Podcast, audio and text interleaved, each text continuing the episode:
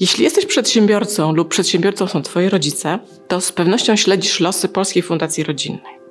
Mamy ją. No dobrze, prawie. Na przestrzeni ostatnich miesięcy zauważyłam, że nie tylko nestorzy zwracają uwagę na proces sukcesji i starają się do niego przygotować, ale coraz częściej o dobre rozwiązania pytają również młodzi sukcesorzy. Chciałabym dziś pokrótce przedstawić Wam zalety tego rozwiązania, nad jakim pracuje polski ustawodawca, a uważam, że rozwiązanie jest naprawdę bardzo dobre. Zatem opowiem, co będzie mogła robić i jak będzie mogła inwestować nowa fundacja rodzinna, jak będzie można wnieść aktywa do tej fundacji, jak będą opodatkowane wypłaty do członków rodziny z takiej polskiej fundacji rodzinnej.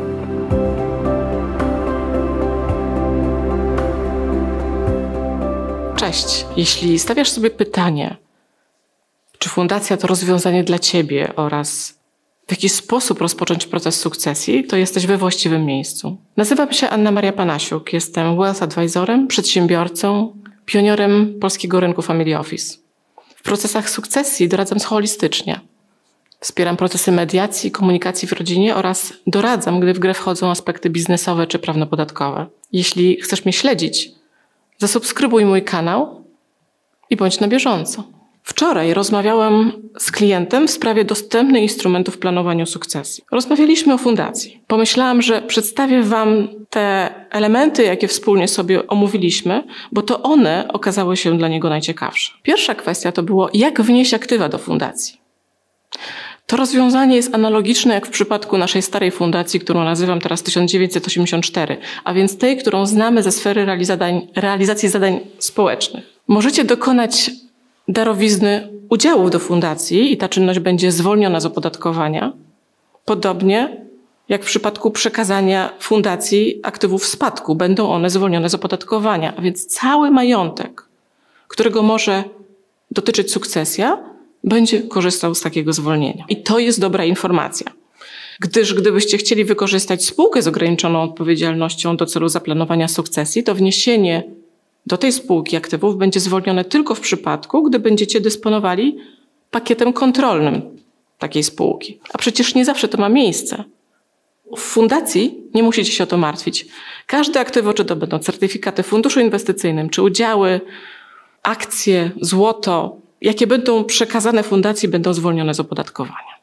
I co może robić ta fundacja w zamyśle ustawodawcy? Fundacja będzie mogła kupować nabywać spółki, również spółki poza granicami Polski, instrumenty finansowe, papiery wartościowe, wszelkie instrumenty na rynkach kapitałowych.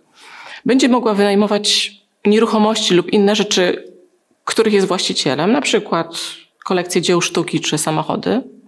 Będzie mogła udzielać pożyczek, będzie mogła dokonywać obrotu środkami płatniczymi. Wskazano, że mogą to być waluty obce. Pominięto kryptowaluty. I tutaj mam dla Was niespodziankę. Ta działalność, którą przed chwilą wymieniłam z wyjątkiem kryptowalut, będzie zwolniona z opodatkowania. Tak, sprzedaż instrumentów finansowych, wynajem nieruchomości, inwestowanie spółki, to będzie zwolnione z opodatkowania. Jeśli ustawa zostanie uchwalona w tym kształcie, to Polska naprawdę będzie miała dobry instrument służący sukcesji. Jeśli tylko zmieni się sytuacja geopolityczna i okazałoby się, że stanowimy naprawdę stabilne zaplecze do zarządzania rodzinnymi aktywami. Bardzo bym sobie tego życzyła. A jak dokonać dystrybucji aktywów do członków rodziny przy wykorzystaniu takich fundacji? I tutaj znowu mamy bardzo dobre informacje, bo fundacja, jako że służy utrzymaniu członkom rodziny, to dystrybucja środków, jej środków do małżonka, fundatora dzieci, wnuków czy rodziców, rodzeństwa będzie zwolniona z opodatkowania. Tak to przewidział ustawodawca.